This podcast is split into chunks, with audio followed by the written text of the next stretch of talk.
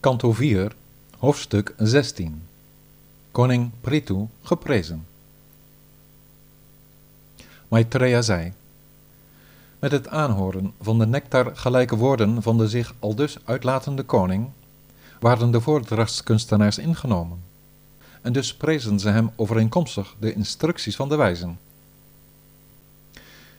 Woorden schieten ons tekort om de heerlijkheden van u te beschrijven, die als de belangrijkste godheid uit eigen genade bent nedergedaald. Hoewel u verscheen uit het lichaam van Vena, verbijstert uw glorie de geesten van de meest vooraanstaande sprekers.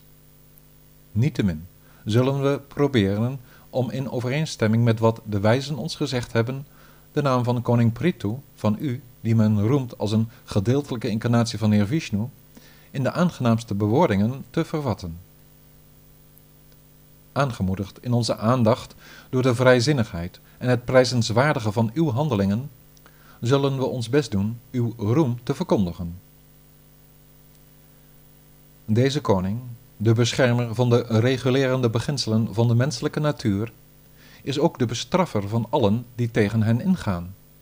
Als de beste verdediger van het geloof zal hij de hele wereld ertoe aanzetten plichtsgetrouw te volgen. Hij is, zonder twijfel, de enige ware die in zichzelf al de gedaanten draagt van al de lokaal aanbeden beeltenissen. Op basis van die rechtzinnigheid zal een ieder hoog en laag na de nodige tijd met hem zijn aandeel genieten en het navenant goed gaan. Al de schatten die hij vergaart, zal deze koning met de tijd gelijkelijk verdelen over alle levende wezens, precies zoals de almachtige zonnegod zijn stralen verdeelt over de aarde. Hij zal als de koning de plicht op zich nemen van moeder aarde om goed te zijn voor de verdrietigen en verdraagzaam te zijn jegens de mensen die over haar oppervlak lopen. Met hetzelfde gemak als waarmee Indra regen verschaft als er een tekort aan water is en de levende wezens te lijden hebben, zal die hemelse man van God, deze belichaming van de Heer, de burgers in bescherming nemen. De hele wereld zal gedijen op de blikken en heldere glimlach van zijn prachtige, maangelijke aangezicht vol genegenheid. De tactieken van de koning onttrekken zich aan het zicht. Zijn handelingen zijn vertrouwelijk en geheim. Wat hij bereikt is verborgen en zijn schatkist kent geen bodem. Zijn ziel, als het enige reservoir van alle goede eigenschappen, zal verhuld zijn net zoals dat is met de positie van Varuna, de koning van de zeeën. Uit Vena geboren, zoals vuur uit brandhout, is hij moeilijk te benaderen en niet te verdragen voor zijn vijanden. Als men hem heeft benaderd, blijft hij op een afstand. Niemand is hem de baas. Als de neutrale getuige overschouwt hij, zowel van binnen als van buiten, het reilen en zeilen van al de levende wezens net zo onafscheidelijk als de levensadem is van al de belichaamde levende wezens. Hij zal nooit iemand straffen die geen straf verdient, zelfs niet als het de zoon van zijn vijand betreft. Niettemin zal hij met het volgen van de rechtschapen weg zijn eigen zoon bestraffen als die dat verdient. Zoals de zonnegod, die zijn licht overal laat schijnen, zal Prithus invloedssfeer ongehinderd de machtigste blijven tot aan de berg Manasa toe.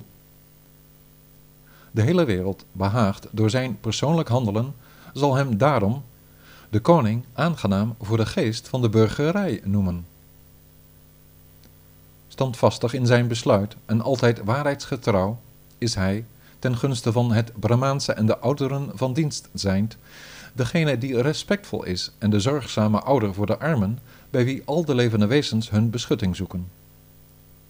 Jegens andere vrouwen is hij net zo respectvol als voor zijn moeder. Voor zijn eigen vrouw is hij als de andere helft van zijn lichaam.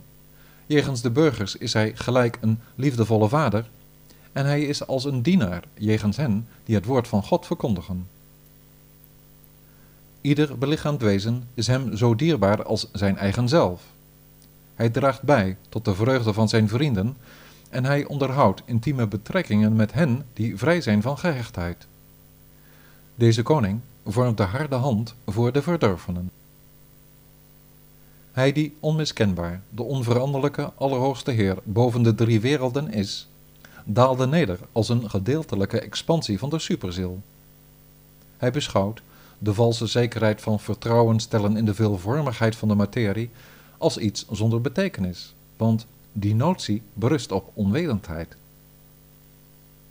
Vanaf het vroegste daglicht over de heuvels zal hij op unieke wijze heldhaftig de aarde beschermen als de koning van de wereld, de meester van al de goden van de mensen. Op zijn zegenrijke wagen, de boog hooghoudend, zal hij vanaf het zuiden naar het noorden tot overal rijken, zoals de zon dat doet door ieder jaar van het zuiden naar het noorden door de hemel te trekken. De koningen zullen gegarandeerd van overal hem hun gaven offeren. Met de plaatselijk aanbeden beeltenissen zullen de echtgenotes van deze koningen hem zien als de oorspronkelijke koning die met het hooghouden van zijn reputatie het wapen van zijn werpschijf hanteert. Hij zal de aarde in de gedaante van een koe melken. Als een buitengewone koning en stamvader zal hij voorzien in faciliteiten voor de bevolking en bij wijze van tijdverdrijf zal hij eenvoudigweg met de punt van zijn boog de bergen vereffenen door ze uiteen te rijten met het geschikt maken van de aarde voor de landbouw, net zoals Indra, de koning van de hemel, dat deed met het geeselen van de bergen met zijn bliksemschicht. Als hij met het trillen van zijn hoornen boog, als een leeuw die zijn staart omhoog houdt, persoonlijk rondreist over de aarde, zal hij onverslaanbaar in de strijd alle oorlogszuchtigen overal tot de aftocht dwingen. Op het moment dat deze koning een honderdtal Ashwamedha paardoffers heeft gebracht aan de bron van de rivier de Sarasvati, zal zijn paard al daar gedurende de laatste van de honderd offers worden weggestolen door heer Indra. Hij zal in de tuin van zijn paleis een treffen onder vier ogen hebben met de aanbiddelijke Sanat Kumara en zal, in de toewijding van zijn aanbidding, de zuivere, transcendentale kennis bereiken waarmee men de geest van de absolute waarheid geniet. Hij zal vernemen over de wijdverspreide reputatie van zijn ridderlijkheid als Pritu, de koning van de Allerhoogste Macht, vervat in vele woorden in de vorm van liederen en vertellingen. Overal, de overwinning behalend met niemand die hem de baas is, zal hij, op eigen kracht, aan alle ellende van de burgerij een einde maken. Hij zal door de leiders van de godsbewusten en de goddelozen worden verheerlijkt als de grootste ziel en de Heer van de wereld worden.